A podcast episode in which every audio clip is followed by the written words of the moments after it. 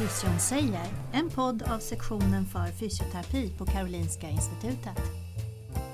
Vi som arbetar här forskar och undervisar om samspelet mellan rörelse, fungerande och hälsa. Och här i podden delar vi med oss av vår kunskap till alla som vill lyssna. Fysion säger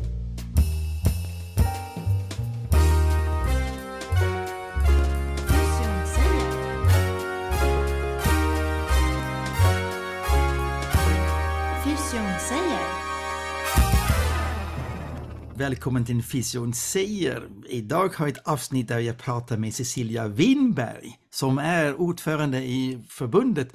Välkommen till Fysion säger Cecilia. Tack ska du ha Wim. Vad roligt att vi eh, kunde ta en liten tid att prata om förbundet för att vi inte pratat alls någonting om sånt i de här två åren om vi håller på. Det var väl dags att börja prata om förbundet och om dig naturligtvis. Vem är Cecilia Winberg? Ja du, var ska man börja Jag någonstans? vet inte. Jag fick, fick frågan här, jag var i en annan konstellation häromdagen och då skulle man prata om vilket uppdrag man hade i livet och ja, kan man svara på det? tänker jag. Men- Absolut, kör. det, mitt uppdrag just nu är att vara förbundsordförande för fysioterapeuterna och det har jag varit i tre år.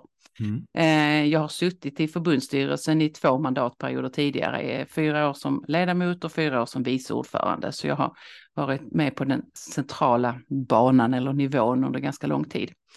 Men jag är fysioterapeut, har varit färdig sedan eh, 91, Mm. utbildad i Lund, har i huvudsak arbetat inom öppenvården. Jag har haft ett eget företag under många år eh, med inriktning mot neurologi. Så då Mm. har jag drivit en klinik tillsammans. eh, Jag har både varit inhyrd och drivit klinik tillsammans med en kollega. Så det är väl det jag har gjort under den största delen av mitt yrkesverksamma liv. Disputerad i rehabiliteringsmedicin, snart tio år sedan. Mm. Och har, eh, ja, så just- det blir ju ofta sådär efter att man har disputerat. Det är ganska roligt på universitetet, det är utvecklande. Ja. Så jag hängde kvar en liten stund men eh, jobbade både kliniskt och hade några postdoc-uppdrag och sen därefter så fick jag ett chefsuppdrag så jag jobbat som chef på lasarettet i Ystad då i Region Skåne Ja. för en enhet med fysioterapeuter, arbetsterapeuter, eh, kuratorer och ett rehabteam. Så det var det jag gjorde precis innan jag klev på som ordförande. Så specialistkompetent i neurologi då har jag också disputerat. Så privat bor jag i Skåne där jag har familjen Ja. veckopendlar till Stockholm till jobbet. Oj, oj, oj. Så det blir en del tid på tåget. Ja, just det. Mm. Bra, då hade jag tittat och lyssnat på podden på Ja, vägen hem. precis. Det brukar vara precis det jag gör också. Och ibland så, ja, det kanske man inte ska säga i en podd, men jag har ganska lätt för att somna när jag lyssnar på radioprogram och så. Så Ja. ibland använder jag det som taktik för att somna. Perfekt. Ja. Hoppas inte att våra lyssnare gör det. Jag tror inte Nej. det, för att vi har full fart här. Jo, men då tänkte vi, om vi börjar prata om förbundet då. Mm. Eh, vad är det för uppdrag som ni har fått och hur ser det officiella uppdraget ut och vad gör ni egentligen? Ja, precis. Vad gör vi egentligen? Vad gör vi? Vi gör med banken tre. efter tre. Eh, Men fysioterapeuterna är ju eh, fack och professionsförbund för landets sjukgymnaster och fysioterapeuter. Mm. Och för närvarande så har vi ungefär 12 500 medlemmar. Och medlemmarna kommer från olika delar av landet och arbetar inom olika verksamheter. Eh, Vi har också ungefär 1500 förtroendevalda som arbetar Ah. inom vår organisation och det här är en viktig grupp för vårt arbete. Ja. Eh, Vi har ett kansli som består av 20 medarbetare som varje dag är tillgängliga för stöd gällande det som man behöver som medlem. Det kan handla om arbetsrätt, det kan handla om överläggningar, de hjälper till att svara på remisser och sådär. Och sen har vi ju alla våra medlemmar, de ska vi inte glömma, för utan medlemmarna så är vi ju inte Nej. Är vi inte så mycket värda. Så det är väldigt viktigt för oss med eh, medlemsnyttan och att vi liksom har medlemmar som vill engagera sig i förbundet. Men vårt uppdrag, om man tittar tillbaka på stadgarna och på då liksom det som kallas portalparagraf, Okej. så nu blir det lite formellt här. Ja, det är bra. Men det är ju då att stödja medlemmarna i arbetet för god och jämlik hälsa för alla, såväl genom hälso och sjukvård som förebyggande och hälsofrämjande insatser av högsta kvalitet.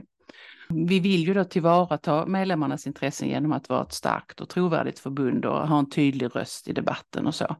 Sen arbetar vi utifrån, vart fjärde år har man kongress i fysioterapeuterna och då samlas de här förtroendevalda som jag pratar om, inte alla 1500 men en, en utvald grupp samlas då för att fatta beslut om riktningen framåt. Det är ju det högsta beslutande organet vi har i förbundet och det är ju det sen som ger vägledning för de kommande åren. Så vi som förbundsstyrelse arbetar ju hela tiden utifrån kongressens beslut och vi går tillbaka och vi utvärderar och ser hur långt vi har kommit och så. Så det där är väldigt viktigt för, för oss i förbundsstyrelsen. Det den demokratiska processen är det ju som sker vid kongressen. Mm, intressant. Hur många sitter i styrelsen då?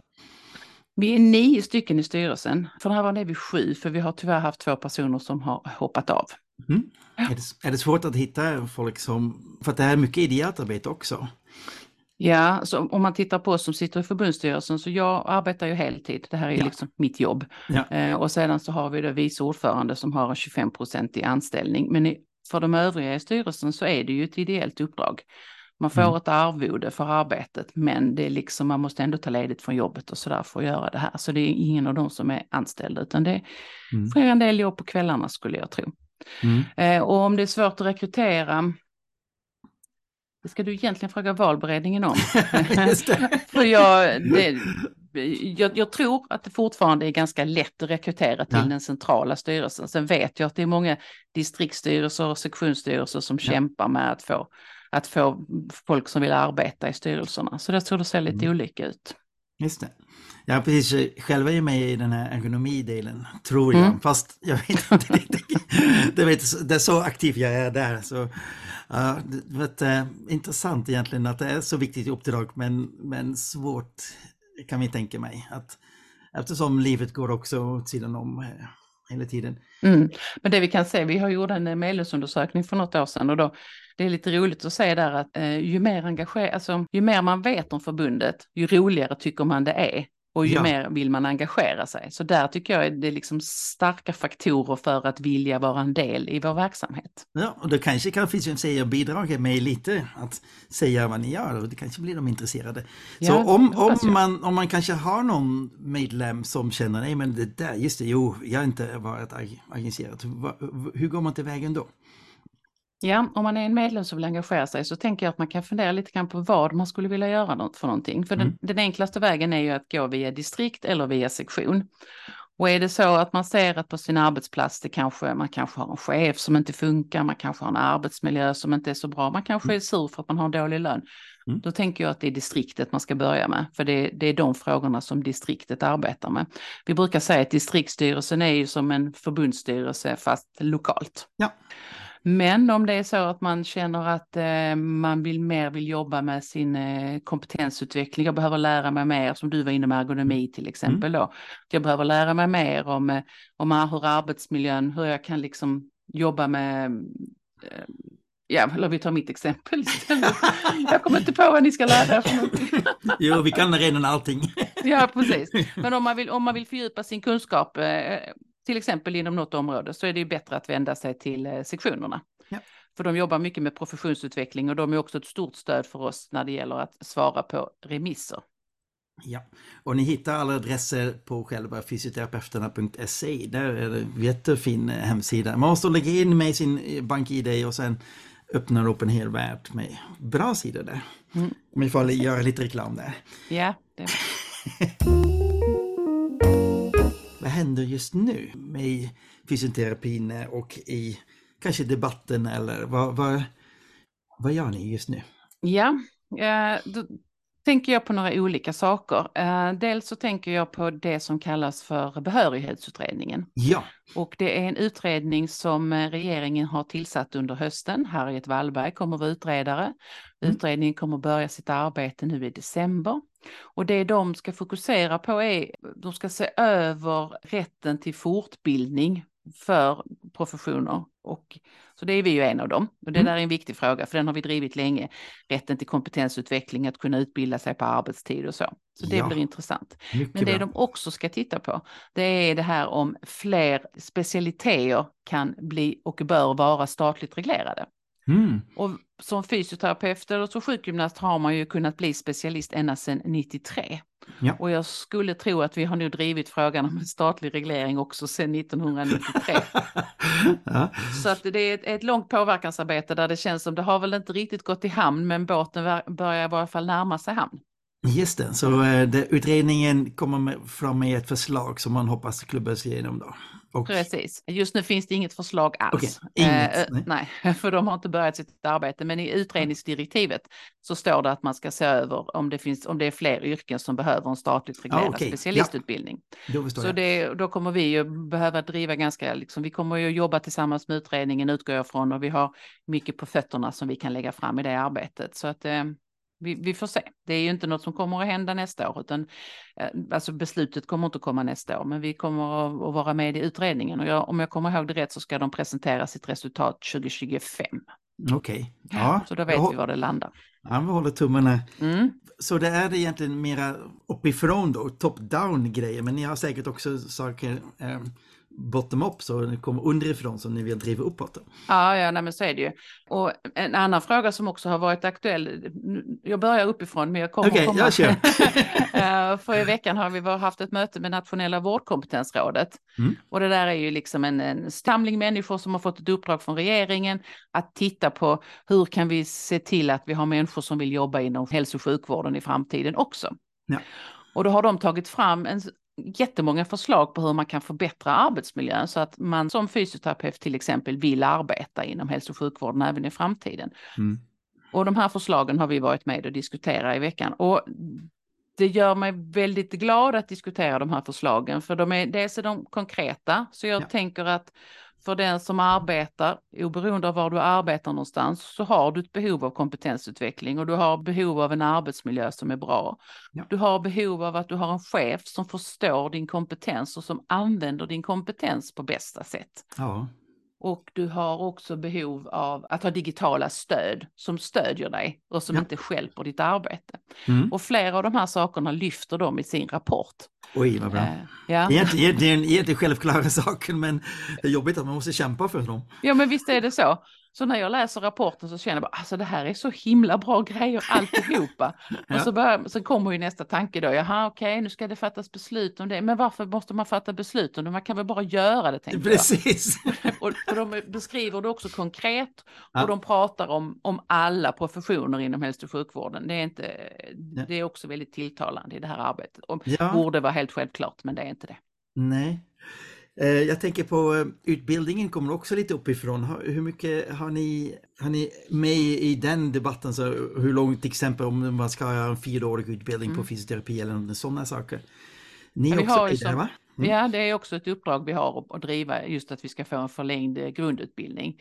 Och det var ju en av de sakerna vi pratade om det på när vi hade fysioterapikonferensen i Göteborg. Ja.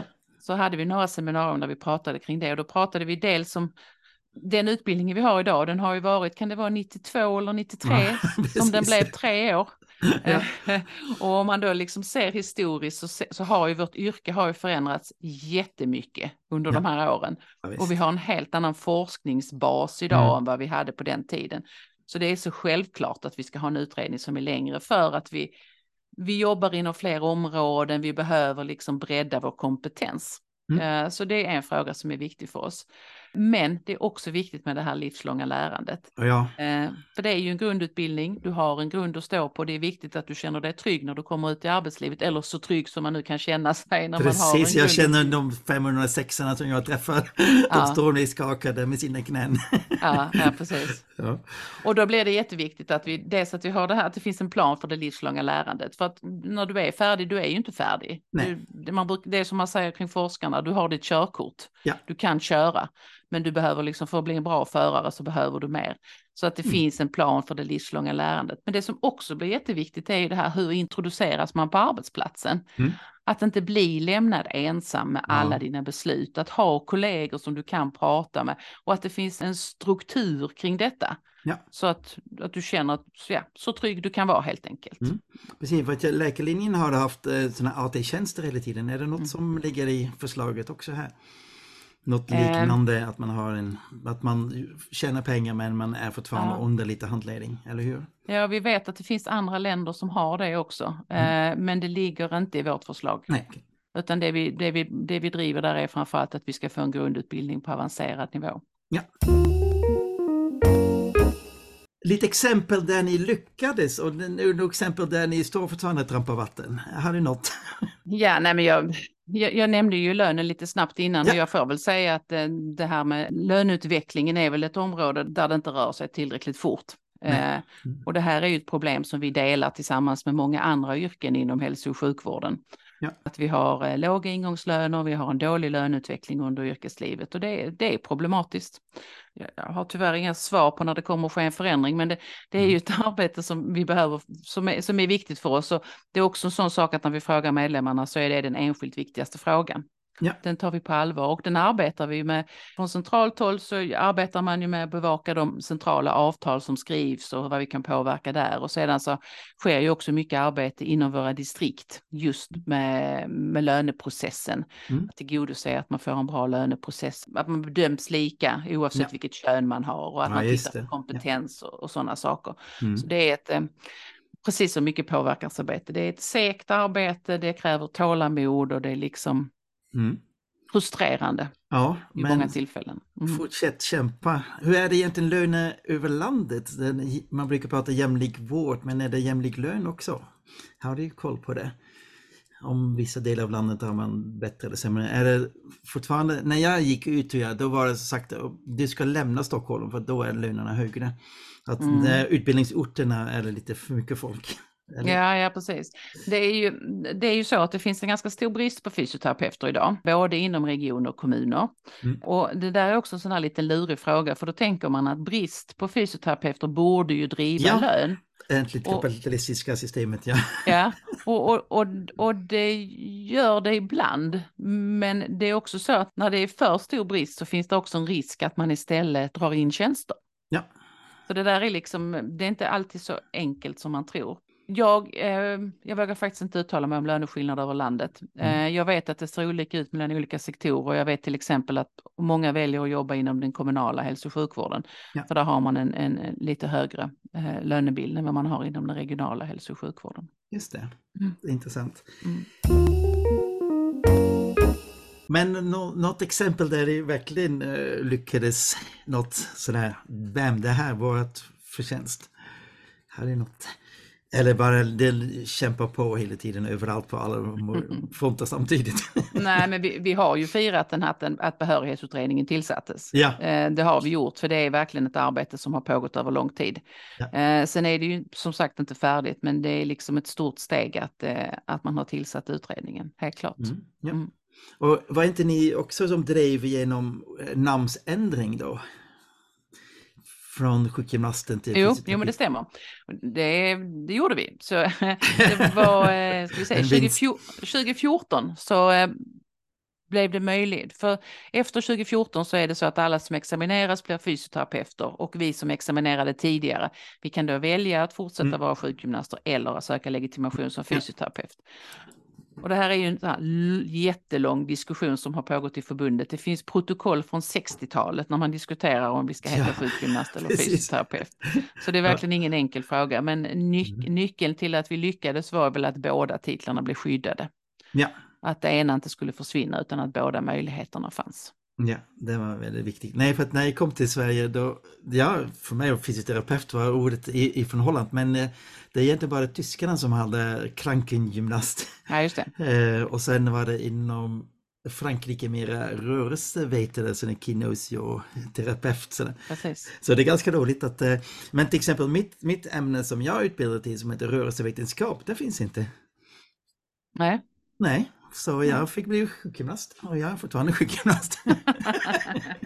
ja, det är bra. Men Nej, vad, jag, skulle, vad skulle du ha blivit då? Vad skulle du velat bli Nej. kallad? jag vet inte. eh, Nej. Den, den masterutbildning, eh, rörelsevetenskap, Movement Science heter den. Ja, det finns det. då i hela Europa, i USA och mm, Australien. Men Movement Science som, som ämne finns inte i Sverige.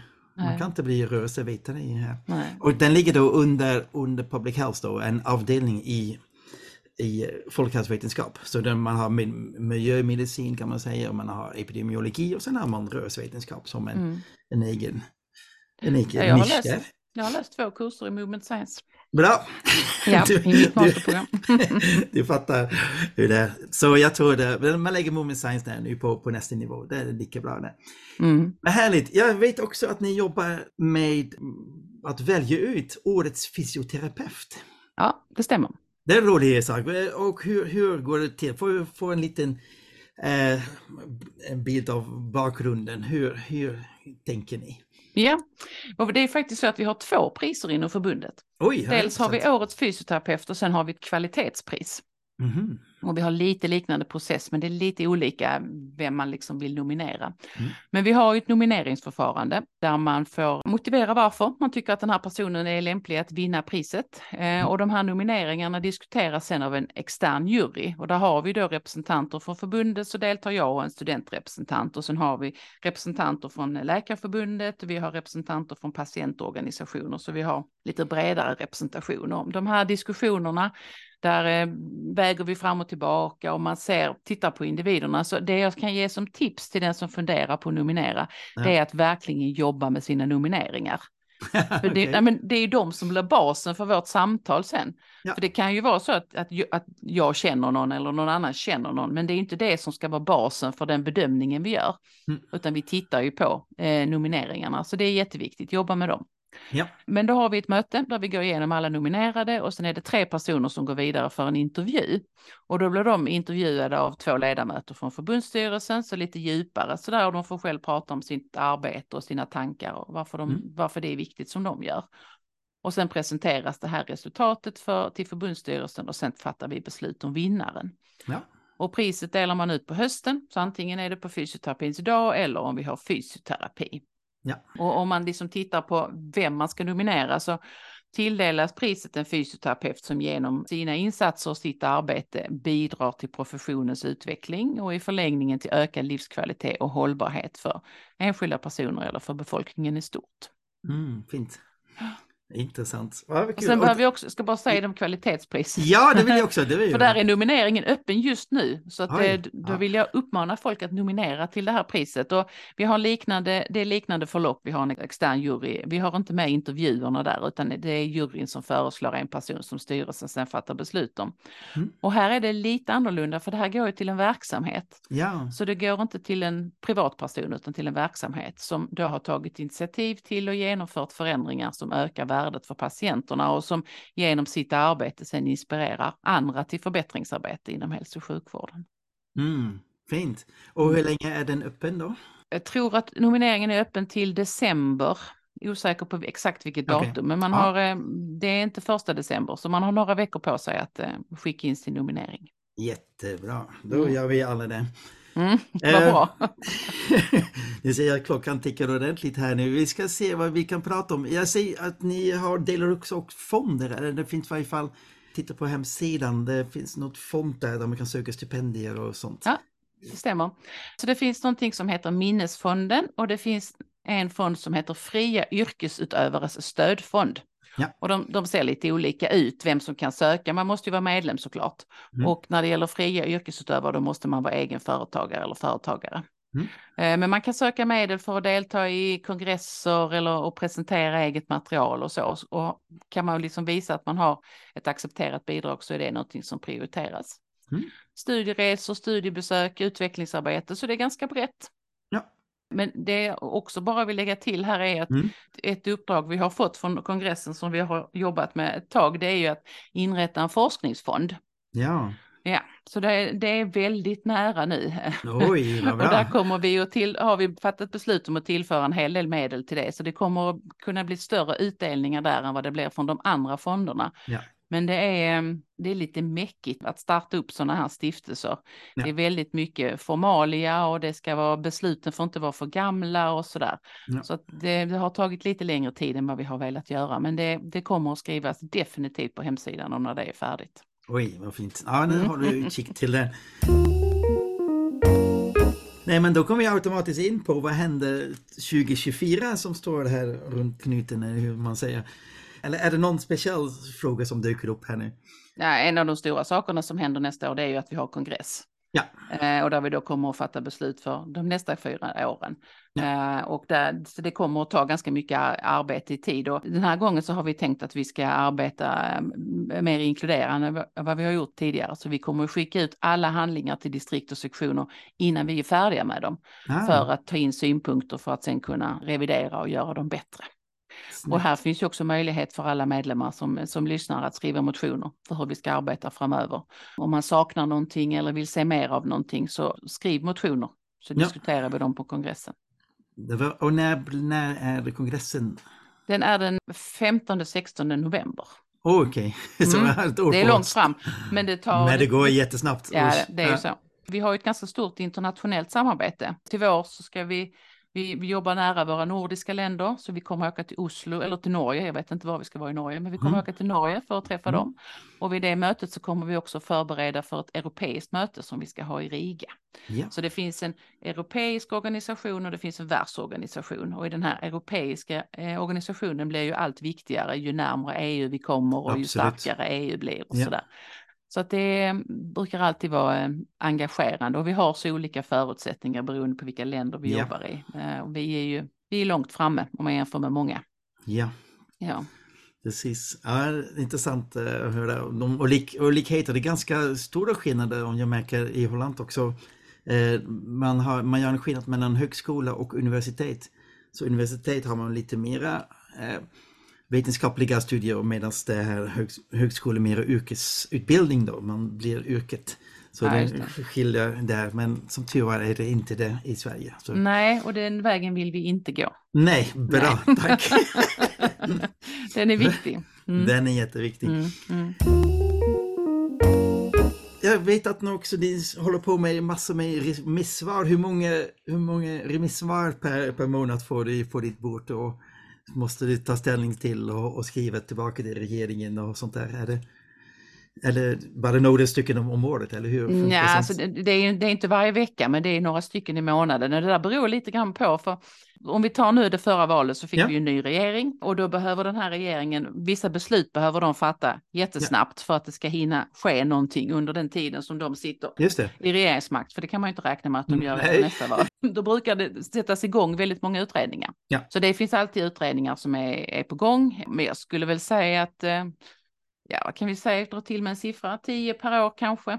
Mm, Okej, Mm, ja, mm. men då, mycket. Och då, då hamnar det på ditt bord eller hamnar det på styrelsen som du sen delegerar? Hur funkar det? Ja, de hamnar oftast på eh, kansliets bord. Ja. Vi har en tjänsteman som är ansvarig för att skriva remissvaret, men eh, vi söker eh, nästan alltid kontakt med till exempel sektionerna. Ja. Om det är deras, om det är ett kunskapsområde som berör en sektion så jobbar vi tillsammans med dem. Snyggt. Det har till exempel också varit en utredning nu när det gäller företagares villkor. Där har vi ju arbetat och har vi ett företagarråd inom förbundet. Och då har vi ju diskuterat eh, vårt svar tillsammans med dem. Mm. Så att vi försöker förankra med medlemmarna i så stor utsträckning som möjligt och det tycker jag känns, eh, känns viktigt.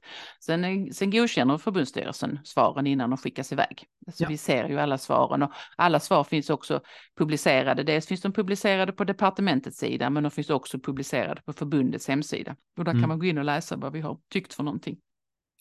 Jättebra. Mm. Kul att höra den här. Man, man vet att ni kämpar men ofta, ofta ser man inte det rent praktiskt. Ibland, eh, jag följer dig på, alltså på LinkedIn och där, där dyker det upp olika saker. Oj, ni hade svarat på det här. Och Mm. ni, var, ni var ganska snabba på att ta, ta avstånd från den här angiverilagen, om vi kallar den för. Ja. Det gjorde ni, eh, det gick snabbt. Ja, ja, och där har vi ju agerat tillsammans. Eh, Saco som vi ju då är, är del i, där har ju alla förbunden i Saco står ju bakom och har reagerat på detta. Eh, och vi har också reagerat tillsammans med enstaka förbund i det här. Så det här känns som en, känns som en viktig fråga för oss.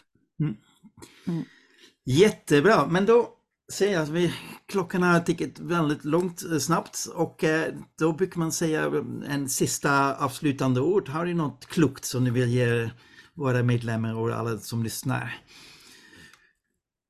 Bli medlem kanske Ja. först. Den är bra. Det var, Den är det bra. var bra att du sa det.